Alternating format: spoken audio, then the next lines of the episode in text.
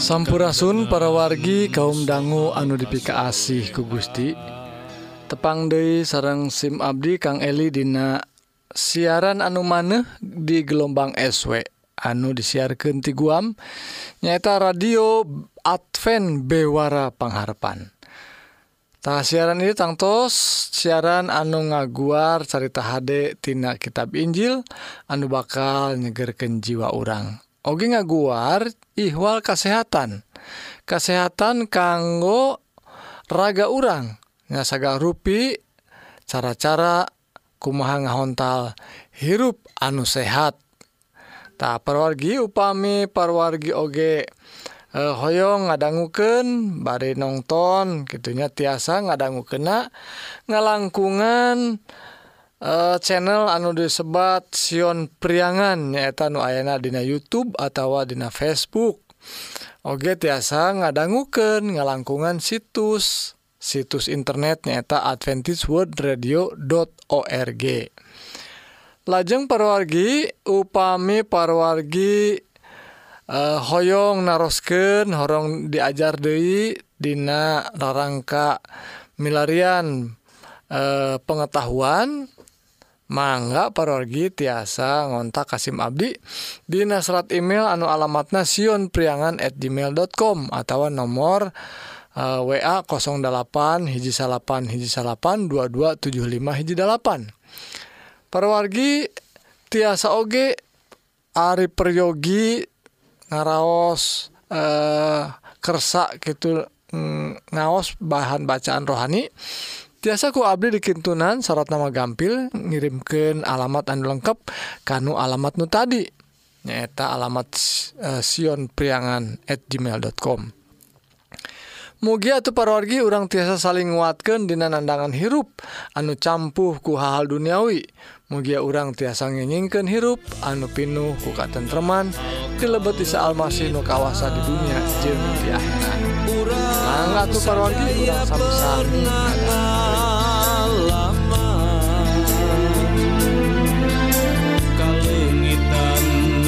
sabanda jalma nu dipikat cinta atawa kesehatan raga.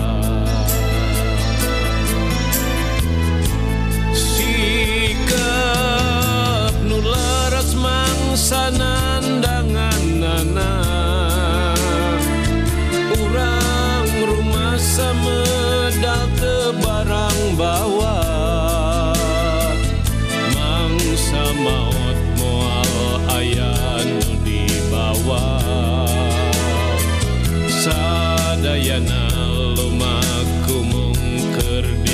Di dunia. Mung pangeran nu maparina ka urang ku pangeran engkena dipuntang mung panjenengan mantenan nu kawasa salamina kedah dipuji dipuja Sampurasun parwargi rohang kasehatan dinten Iye judulna eh, kukuluban nganggo China sakedik. Ia mengrupakan eh, tujuh metode atau tujuh cara masak nu paling sehat nupang sehatna. Iya nomor opatnya parogi kamari tos eh, dibahas anu nganggo Eh, e, microwave gitu oge aya anu dikulub atau disepan oge aya. Takna dikulubnya nganggo cair sakedik naon bentana? Bentena perorgi nganggo cair sakedik teh anu dina bahasa Inggris nama disebat nate proching ya poaching cenanya maksudnya poaching teh eh saya pisan supados henteu te e, kacanak atau larut bahan-bahan e, nutrisi gizi anu sae. Lamun China seueur tay saya bisa saya pisan kanggo sababaraha bahan nyata lauk nog atau bebuahan tak eta direkomendasikeun apalagi rupina kukuluban teh sae kanggo uh, seueur tuangan nanging anus tuangan anu tadi sebatkan nyata lauk nog sarang bubuahan mah sakadahna nganggo eh, e, ngulub nate nganggo cairna sakedik gitu langkung sakedik. Eta nu disebat poacing. Tah rupina pergi saran iya tos e, mangrupakeun eh, e, panelungtikan janten Uh, langkung saya langkung efektif langkung efisien langkung sehat tangtos nama. tak itu porgi mugi-mugi ia paparan kesehatan mugi-mugi jantan berkah kanggo kesehatan orang sadaya. Amin.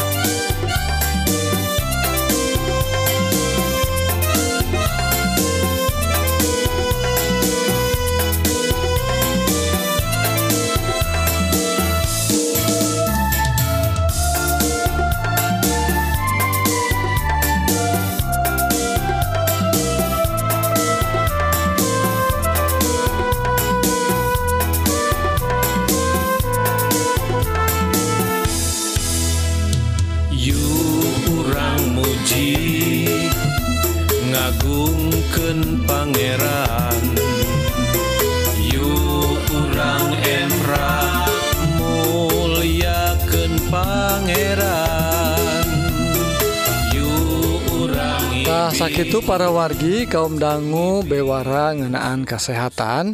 Mugi-mugi para wargi diberkahan ku Gusti dipaparin kekuatan sarang kesehatan jiwa sarang raga. Kanggo lumampah sarang midamel pada melansa di dinten sekali Dei upami para wargi ngaraos diberkahan Atanapi ayat patarosan. Tiasa ngontak Kasim Abdi di nasrat email nyata seratna eh, alamat Sion priangan at gmail.com atau nomor WA 08 hiji salapan hiji salapan 2275 hiji dalapan Mugia atau parwargi orang tiasa saling nguatkan Dina nandangan hirup anu campuh ku hal-hal duniawi. Mugia orang tiasa ngenginkan hirup anu pinuh ku katentreman di lebet Isa Almasih nu kawasa di dunia sarang di akhirat. salahjengnya Hayu parwargi urang terasken karena rohang rohani anu badai ngaguar pengajaran kanggo bawaun karena hirup di akhirat. Anu unggul natina kitab suci semangga wilujeng ngadangmu ke muji ngagungkeun pangeran.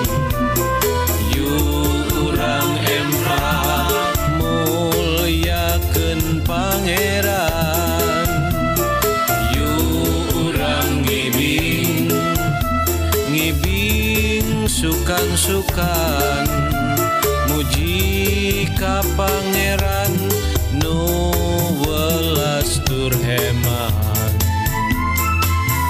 Manten na asik Manten na agung Manten na nu. berkahan hirup urang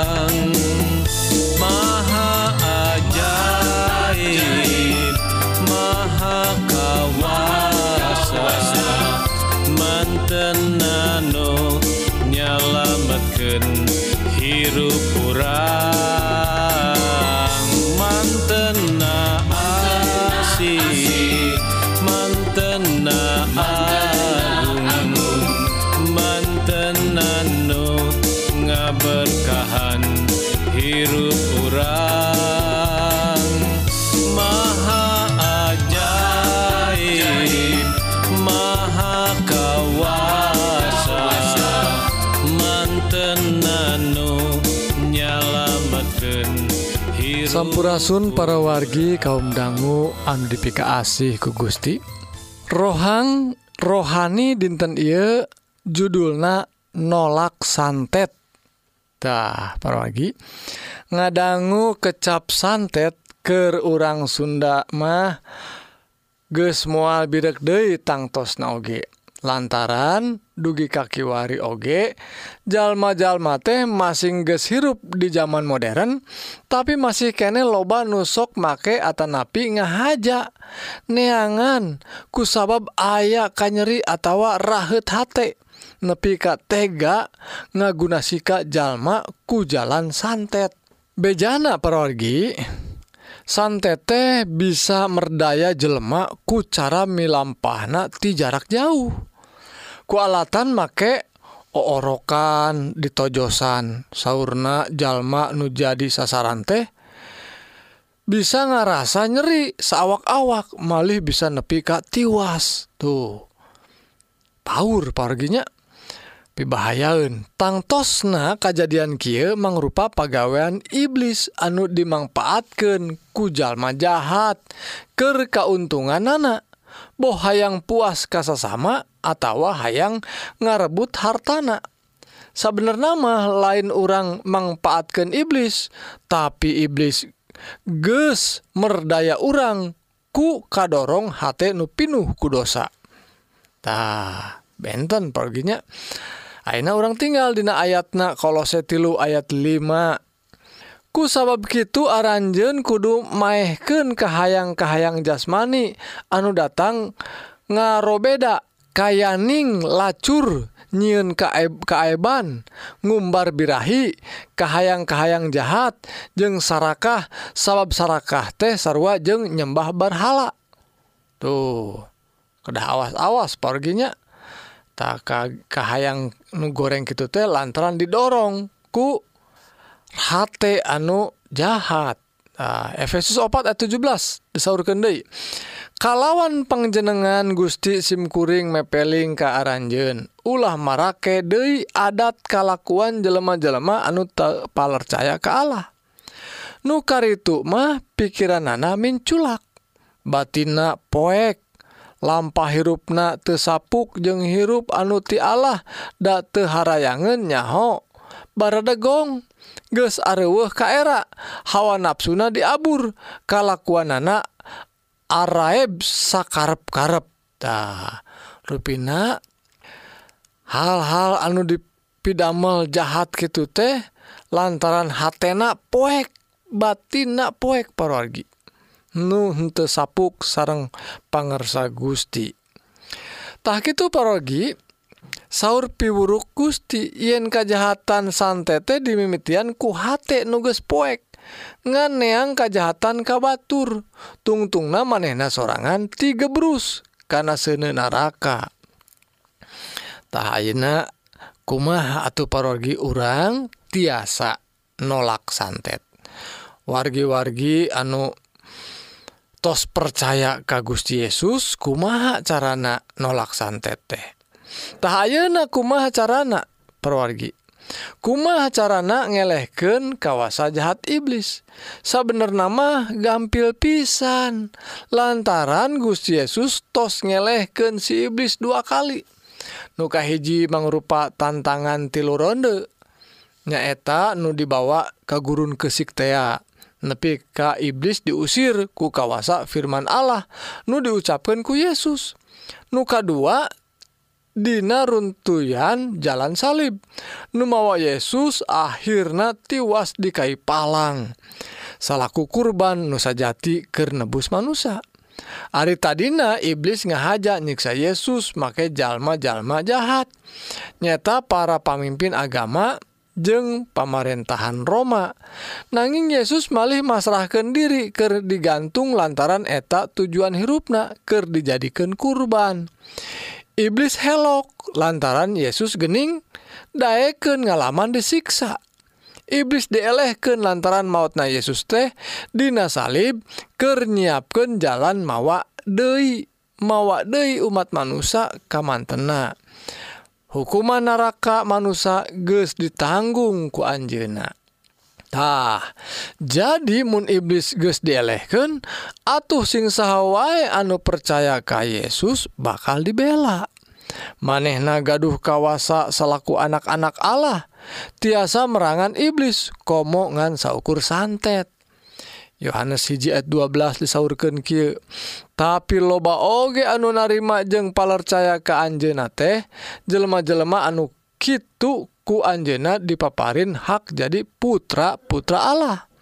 Jadi na putra-putra Allah teh lain ku cara anu lumrah di manusia lain ku cara anu yuga ti Bapak sifat manusia Rama marehna teh Allah kumanten lajeng Dina Yakobus pasal opat ayat 7 ku sabab gitu masing Sumerah ke Allah. Iblis kudu dilawan tangtu kabur tiaran Jena tuh. Hiji Yohanes opat ayat opat ki. Tapi anaking maraneh mah cangkingan Allah. Maraneh geus bisa ngelehken nabi-nabi palsu sabab roh anu aya diaranjen lewih punjul tibatan roh anu asal tidunya janji Gusti paraginya Dina hiji Yohanes pasal tilu ayat 8 sing saha anu milampah keneh dosa eta teh biluka iblis. Sabab iblis mah geus nyieun dosa ti barang mimitina. Tah putra Allah ngajadi jalma teh ku karang ku karana eta. Pikeun numpes gagawean iblis. Ah parwargi ebreh pisan dauhan Gusti Gening. Dina diri jalma nu percaya ka Yesus aya kawasa kemerangan iblis.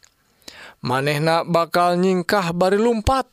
Lantaran aranjen diberre kawasa ke ngeleh ke nana di lembur urang meni hawatos perorgi kumargi seueur dulur-dulur urang sok kagoda ku hayang make produkna iblis.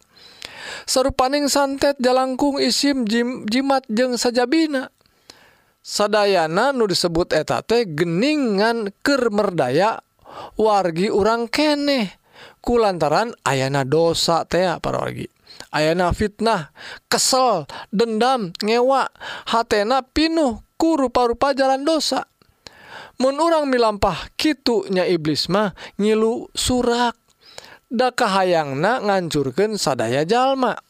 Sabalikna Gusti Yesus masrahkan dirina kenyalamatkan urang sarerea saalam dunya. Jadi ayeuna geswe tong loba hariwang. Sing percaya ka Yesus pasti urang salamet di dunia jeung di akhirat. Hartina sing saha wae anu pangkuh imana. Mual aya nu bisa ngagaroda mual aya nu bisa ngaroga hala. Mual aya santet nu nepi karena diri urang. Malaikat-malaikatna pasti bakal megatken segala kawasa iblis. Malaikat-malaikatna pasti diutus ke ngauban ka urangtah salah jengnak kumaha parorgi kumaha urang ayeuna mayunan zaman anu campuh ku hal anu pikasienan kumaha urang tiasa nyingkahan sikap nu bisa mawa kana pupusuhan jeung pada batur. Tong kagoda ku hawa nafsu nu ngagedur. Tong kagoda ku kaunggulan dunya. Mun urang ngawitan kagoda cingcirining urang ges ngamimitian rek make Dei produk jahat nasi iblis. Make Dei pegagawean iblis nu matak orang kedah hirup.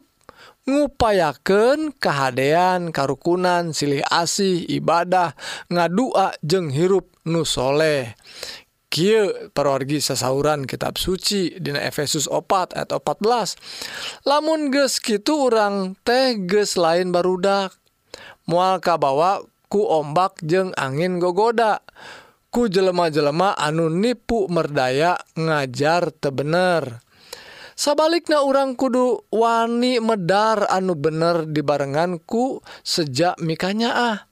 Bekilila orang bakal beki sampurna dina sagala hal seperti Kristus anu jadi sirah kasatunggalan orang. Dina pimpinan Anjena anggota-anggota kasatunggalan teh nyusun rapih ngaranjing buku-buku jeng ruas-ruasna. Jeng saniskara babagian anak jalan nurutken kamistianana sarta kulantaran pada silih pikanya ah bisa hirup mekarkeun dirina jantan perorgi nolak kawasa poek sama model santet lain ngan saukur maca atau atawa ngapalkeun ayat kitab suci. Komode dengan saukur nyiin tulisan nu dihaja disimpan atau diselempetkan Dina beber. Sanes sanes gitu sanes gitu tapi diaos kitabna didoaken nyhunken kawasa ti Gusti ngalangkungan roh suci supados tiasa ngalampahken dauhan Gusti janten jalma soleh. Gitu pergi tak kacindekanana pergi Kia Ayeuna gampil. Kia carana nolak santete. Nuka hiji sing percaya karena kawasa Yesus Kristus. Nuka dua diajar karena tuladan hirupna ngalangkungan ngaos kitab suci. Nuka tilu nyhunken kawasa ku ngadua jeng puasa. Nuka opat ngalampahkan sikap anu saluyu jeng pengajaran kitab suci. Nuka 5 Hayu atuh hirup soleh jeng lungguh. Mugi-mugi Gusti ngaberkan orang jantan jalma anu dipasihan kawasa nolak santet. Gusti ngaberkah amin.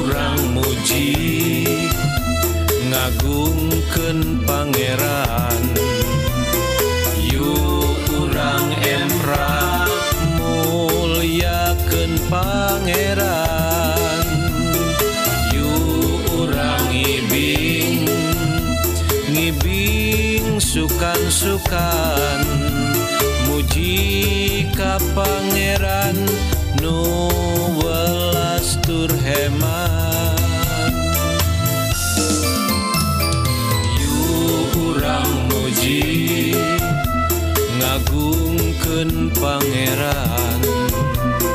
Yurang Emra muliaken Pangeran. Yurang ngibing ngibing sukan-sukan. Muji kapang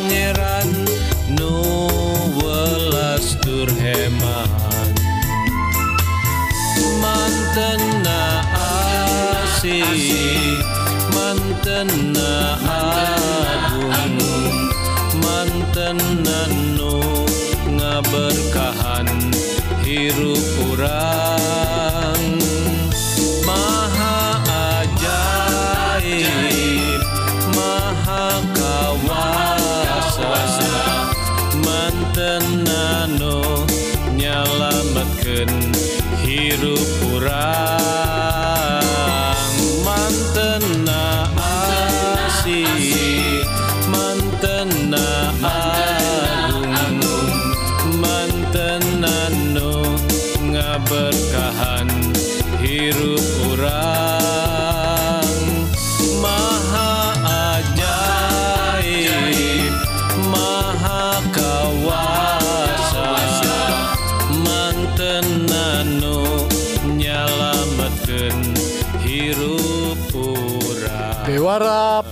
harapan.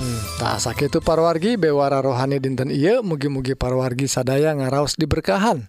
Sarang ngalaman hirup anu tengrem saparantos ngadanggu dauhan Gusti.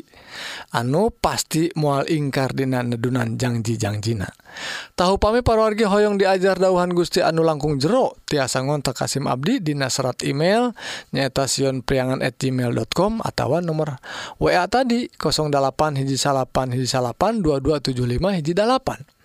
SIMkuring oge nawisan milih kersa ngaos bahan bacaan rohani tiasa dikintunan. Syarat nama gampil ngirimkan alamat anu lengkap karena nomor atau alamat email tadi. Mugi atuh orang tiasa saling nguatkan dina nandangan hirup anu campuh ku hal-hal duniawi.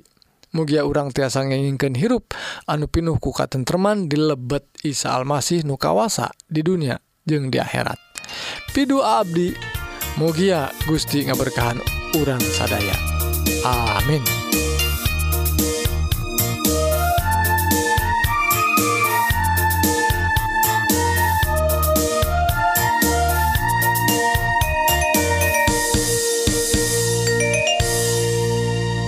Di kota Bethlehem Allah nyumponan jangjina waktos kedal basa kaparana bina-bina. Di kota Betlehem ribuan tahun kalangkung. Bentang murub mubiar nyangan nembe medar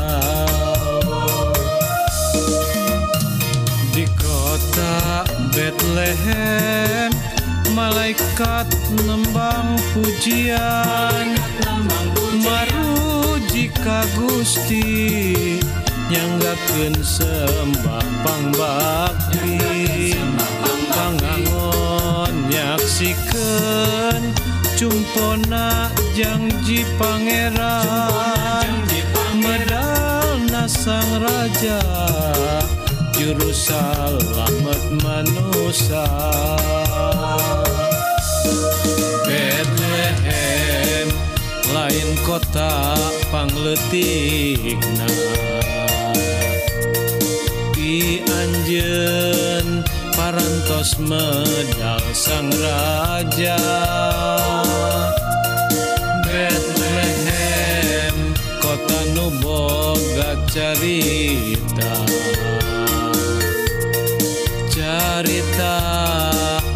asih Allah ka manusia.